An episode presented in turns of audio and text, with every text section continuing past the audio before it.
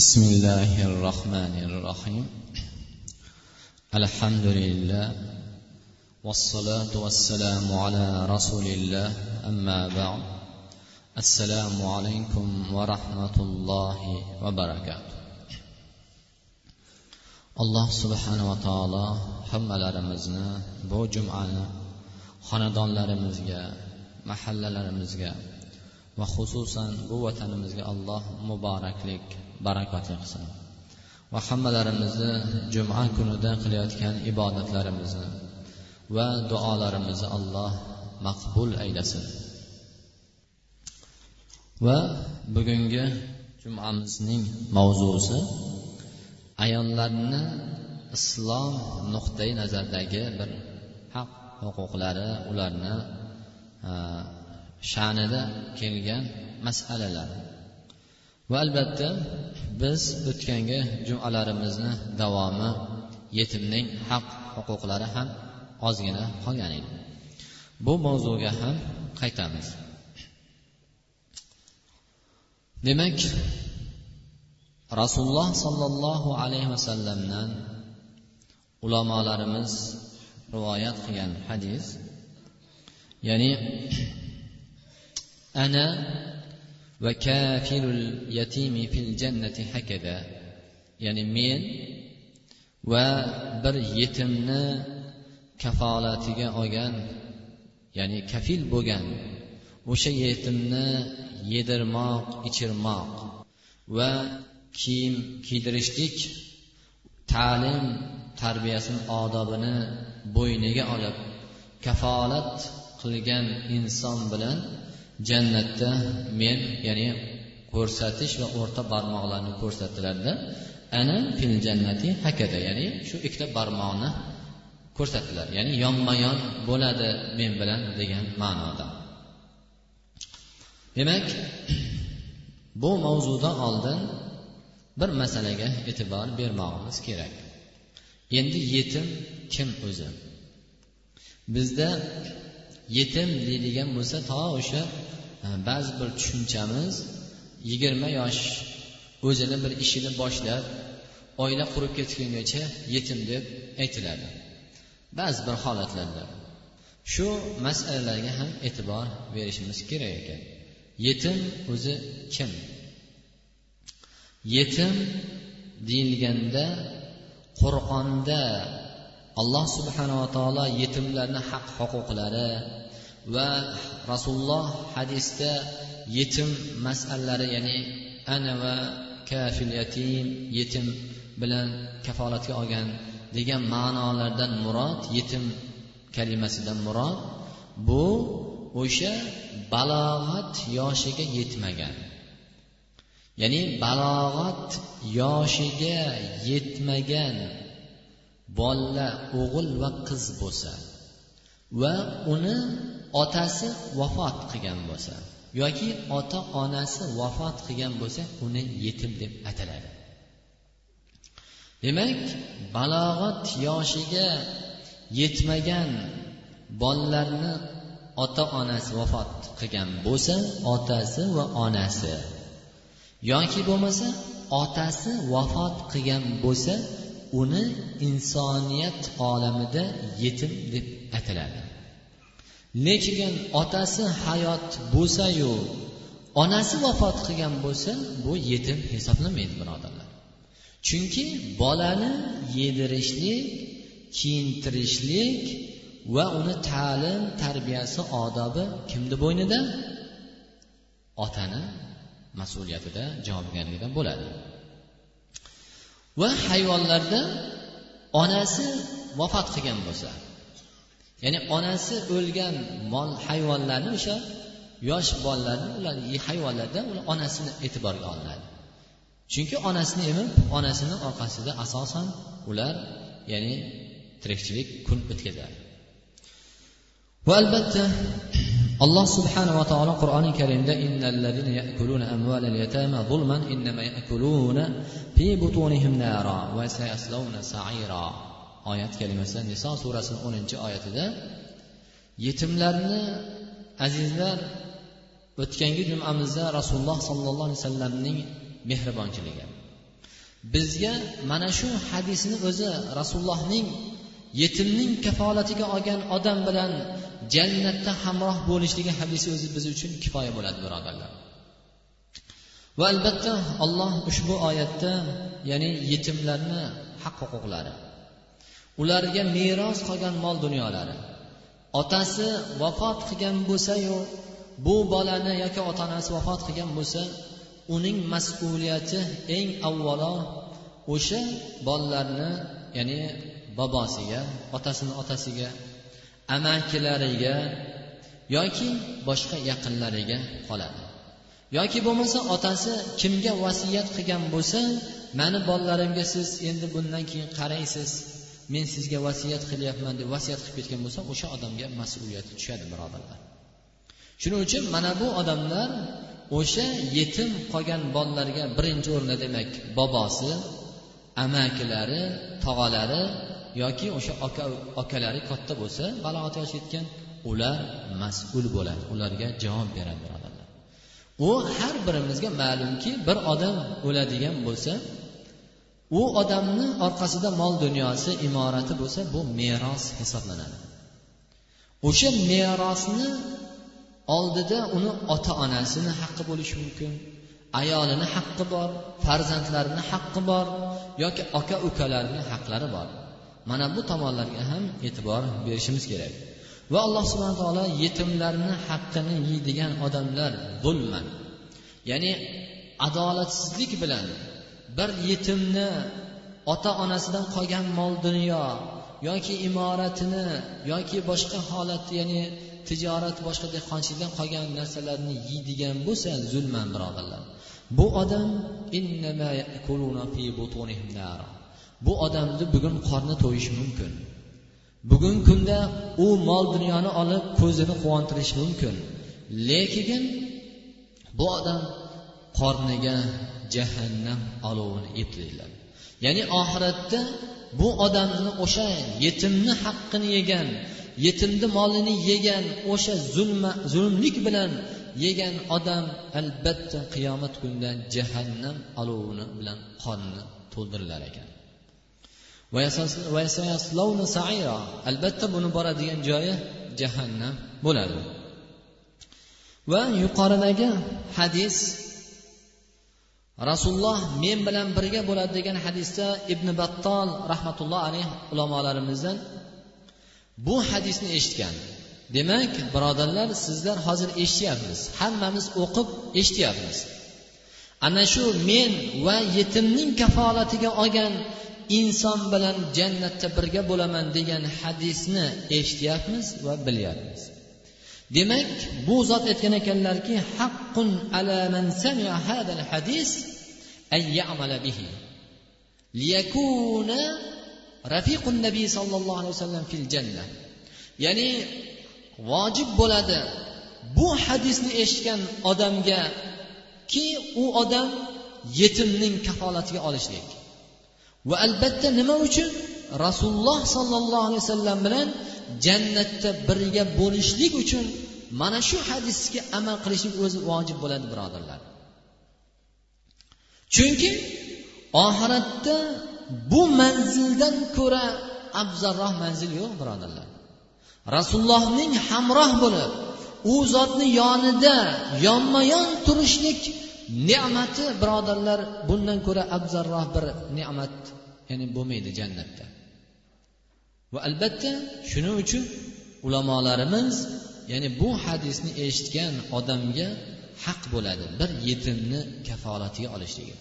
Bu kafolatga olishlik uni yedirishlik bilan ichirishlik bilan kiyintirishlik bilan yoki ta'lim tarbiyasi bilan odobi bilan chiroyli xulq egasi qilib shar'iy ya'ni ollohni taniydigan payg'ambarni taniydigan halol haromni biladigan ta'lim tarbiyasini olish to balog'at yoshiga yetgungacha mana bu kafolatga olishlik birodarlar.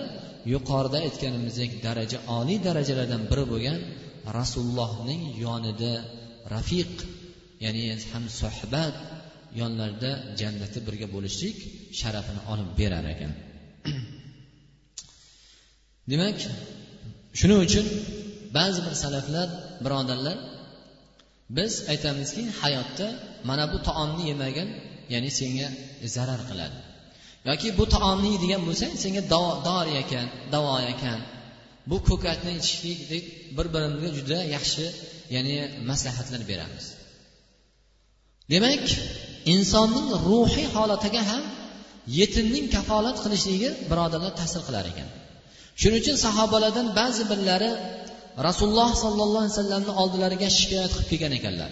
Qalblarining qasovatligidan ya'ni qalblarnida rahm shafqat yo'qligidan shikoyat qilib kelgan ekanlar.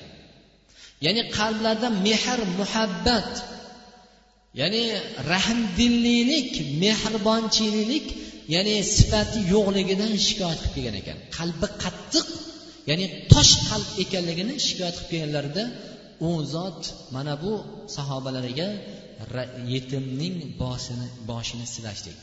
Ya'ni yetimga rahm shafqat qilishlikni ta'lim bergan ekanlar. Demak yetimlarga mana shundoq rahm shafqat qilishligimiz ularga kafolatli olishligimiz demak birodarlar sizu bizlarni qalbimizni yumshashishiga qalbimizda rahm uyg'onishiga rahmdillilik sifati kelishiga birodarlar sabab bo'lar ekan demak bu jumamizda ham aytganimizdek o'tgangi jumalarimiz davomi rasululloh sollallohu alayhi vasallamdan rivoyat qilingan hadisni davom etkazayotgan edik وما جلس قوم في بيت من بيوت الله يتلون كتاب الله ويتدارسون بينهم إلا نزلت عليهم السكينة وغشيتهم الرحمة وحفتهم الملائكة وذكرهم الله في من عنده demak mana shu qismda rasululloh sollallohu alayhi vasallam qaysi bir qavm ollohni uyida jam bo'lib ollohni kitobini tilovat qilsa va o'rtalarida ta'lim tarbiya qur'oni karimni o'qib o'qitib bir birini eshitib holati mana shunday holatda bo'ladigan bo'lsa illa ularga sakina xotirjamlik. Ya'ni biz o'zimizni xotirjamlik tushishini holatini ollohni uyida ollohni kalomini tilovat qilib ollohni zikrida o'tirishlik bilan bozorda turgan holatimizni bir birodarlar ko'z oldimizga keltiraylik. Va ikki holatdagi dunyoga bo'lgan muhabbatimiz va oxiratga bo'lgan rag'batimizni bir birodarlar tasavvur qilaylik. Shuning uchun rasululloh inson ollohning kalomini tilovat qilishlik bilan allohni xotirjamlik bu bandasini qalbiga tumanina ya'ni sakina nozil qilishligini xabar berdi. Va allohning rahmati allohning fazli barakoti bularni o'rab olishligini va maloikalar ollohning eng e, ulug' maxluqotlaridan bo'lgan allohni toatida bo'lgan maxluqotlari maloikalar hozir bo'lishligini bayon qildi. Shuning uchun rasululloh sollallohu alayhi vasallam qur'on va allama. Sizlarning eng yaxshilaringiz qur'on ta'lim beruvchi va ta'lim oluvchilaringiz dedi ya'ni allohni kalomini o'qiydigan va o'qitadigan odam deb aytdilar. Va ulamolar mana shu hadisga muvofiq ko'p ulamolar mustahab degan ekan. Ya'ni shu hadisdan istinbot qilish ulamolarimiz demak masjidda to'plangan vaqtida ya'ni qur'onni o'qishlik. Bizda namozdan keyin o'qiladigan.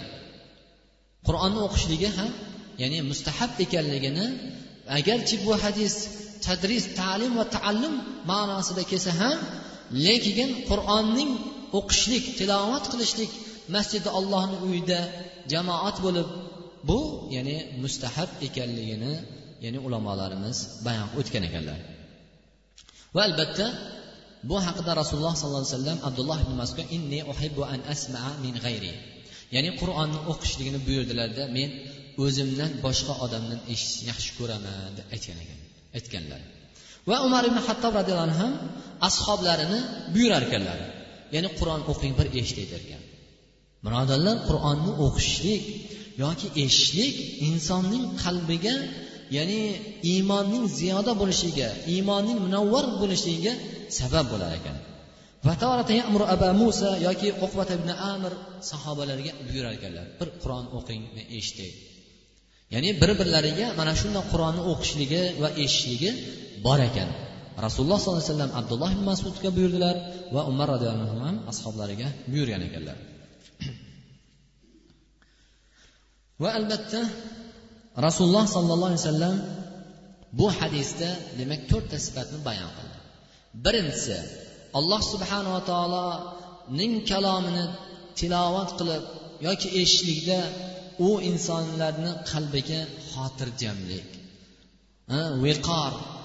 O'sha majlisga allohni ikkinchisi rahmati barakoti nozil bo'lishligini va undan keyin maloikalarni hozir bo'lishligini maloikalar o'sha majlisda hozir bo'lib allohning zikrida allohning kalomini tilovat qilib turgan jamoatni tepasida bo'lishligini bayon qildi va olloh bu zikr qilib turgan bandalarni ollohni eslashligini bayon qildi va rasululloh sollallohu alayhi vasallamdan imom muslim muaviya roziyallohudan rivoyat qiladilarki sahobalar bir kun halaqa bo'lib masjidda o'tirgan edilar. Va u zot aytdilarki sizlarni nima o'tqizdi bu yerga? Nima uchun o'tiribsizlar degan ma'noda.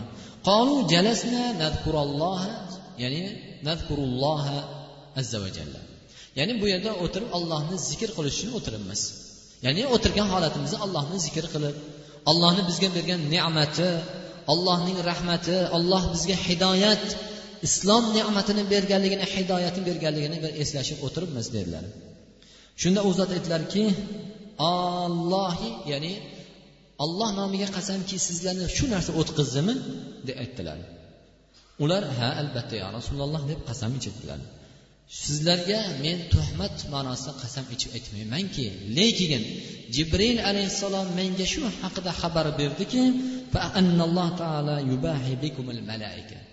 olloh subhanava taolo sizlar bilan hozir sizlarni haqqingizda maloikalarga faxrlanib olloh ya'ni ularga aytyapti degan ya'ni qaysi bir demak ollohni zikr etib to'planishligimiz va allohni kalomini tilovat qilib bir jamoat mana masjidlarimizda jam bo'lishligimiz birodarlar allohni uyida. Demak olloh bizlar bilan meni bandalarimni ko'rib qo'yinglar. Vaholanki bu faxrlanishlik la ma deb olloh allohga hech qachon isyon qilmaydigan ular hayotida hech zarracha ham gunoh qilmaydigan ollohni itoatida bo'lgan maxluqoti bo'lgan farishtalarga olloh bizlardan faxrlanar ekan birodarlar. Va rasululloh sollallohu alayhi vasallamdan kana fi majlis farafa basra ila sama rasululloh an sad ibn masud aytadilarki rasululloh bir majlisda edilar bir o'tirishda ko'zlarini ya'ni osmonga qaradilar va yerga qaradilar va so'ngra yana ko'tardilar. Bu qavm ollohni zikr qilib turgan edilar. Ya'ni bu o'sha majlisda o'tirgan odamlar ollohni zikr etib kalominimi yoki subhanalloh alhamdulillah deb yoki o'sha tillari bilan qalblari bilan ollohni zikr etib turgan holatda edilar. Ollohning xotirjamligi ollohni bu qavmga sakina ya'ni xotirjamlik allohni rahmati nozil bo'lib turgan holatda edilar. Va maloikalar tepalarida jam bo'lib qubba holatida jam bo'lib turgan edilar.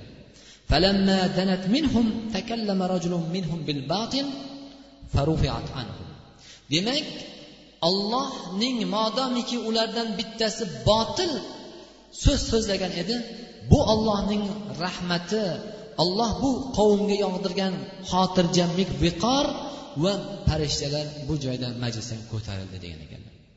Birodarlar demak sizu biz ham ollohni zikr qilib qur'onini tilovat qilib allohni kalomini allohni bizga bergan ne'matlarini eslashib o'tiradigan bo'lsak shaksiz va shubhasiz allohni rahmati bu majlisda o'tirgan har bir inson uchun qalblariga xotirjamlik va maloikalar hozir bo'lib istig'for aytar ekan. Lekin bu narsani biz majlisimizda masalan sezmasligimiz mumkin. Nima uchun? Sabab u yerda hozir bo'lganlar allohning kalomini tilovat qilib eslashib o'tiradi.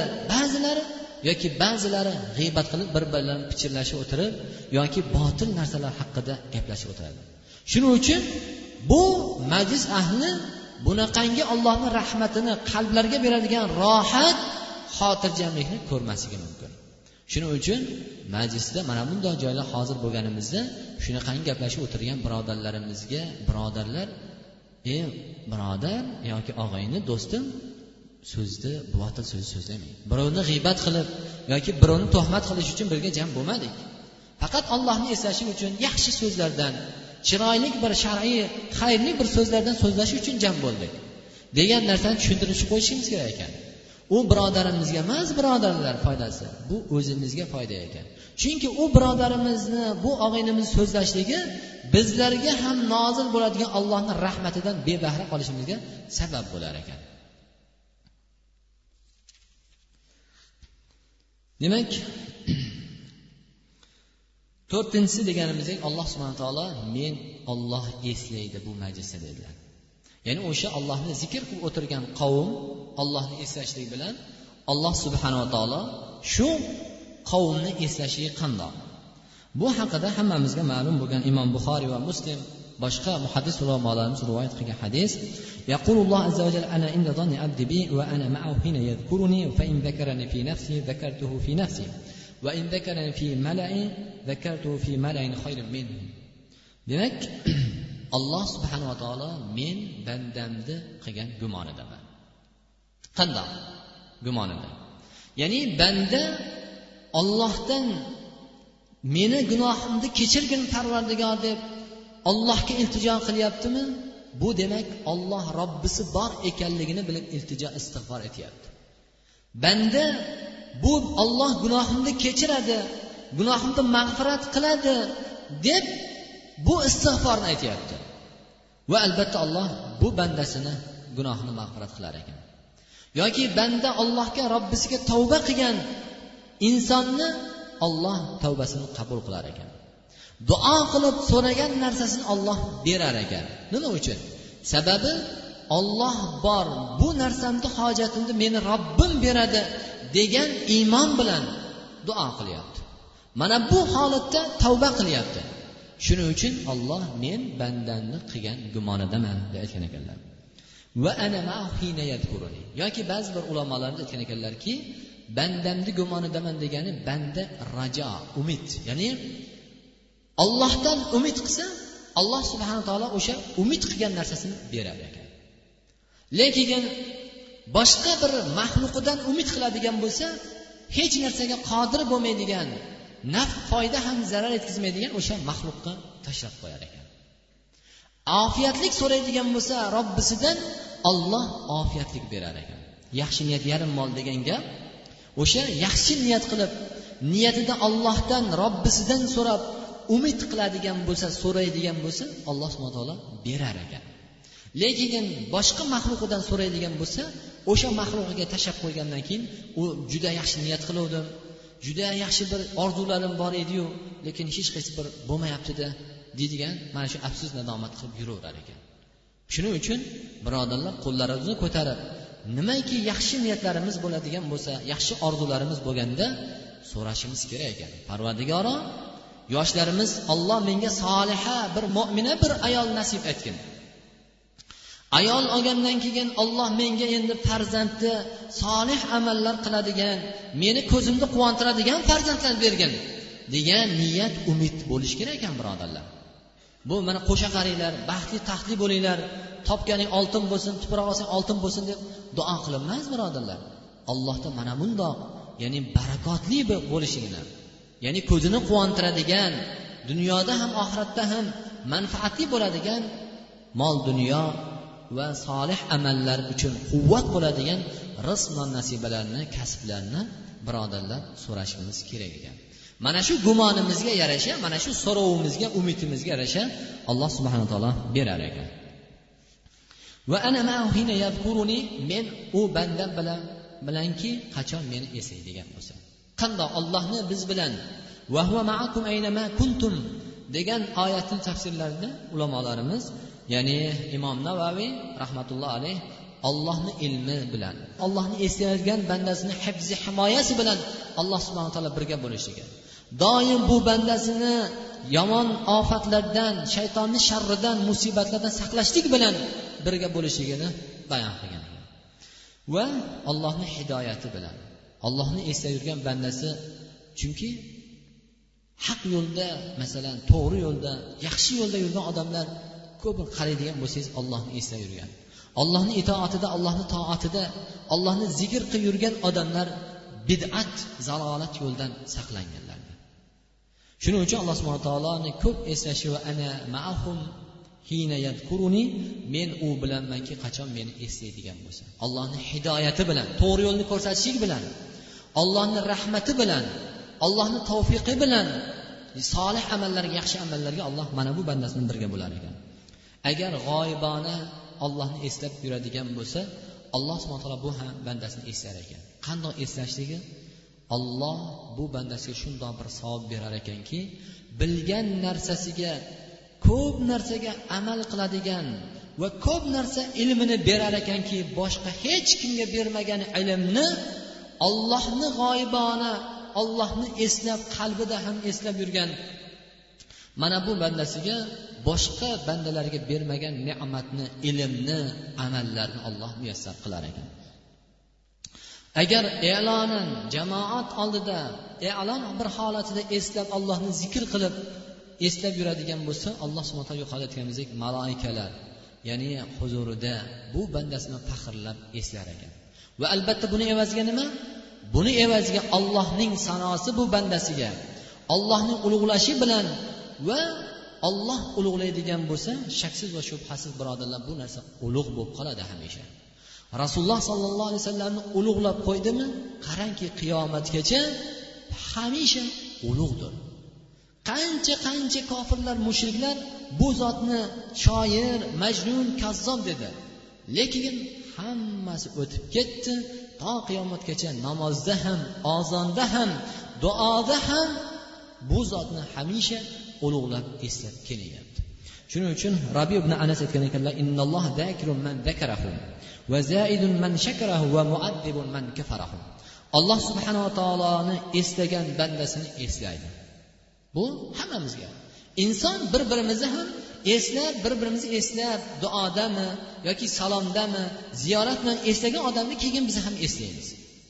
Vaholanki alloh subhana taolo bu narsada ya'ni tashbeh bo'ladigan bo'lsa olloh ham birodarlar biz ollohni eslasak keyin olloh bizni eslaydi. Allohga duo qilib iltijo qilib toat ibodatida bo'ladigan bo'lsak keyin alloh subhana taolo bizni ham hojatlarimizda bizlarni musibatlarimizda bizlarni qiyin holatlarimiz yoki xursandchilik kunlarimizda ham olloh eslar ekan. Va kim shukur qiladigan bo'lsa alloh subhana taolo ziyoda qilib berishligini. Va muazzibun man kafarahu. Olloh azoblaydi. Kim ollohni bergan ne'mati hidoyati yuqoridagi ne'matlariga kofir bo'lsa.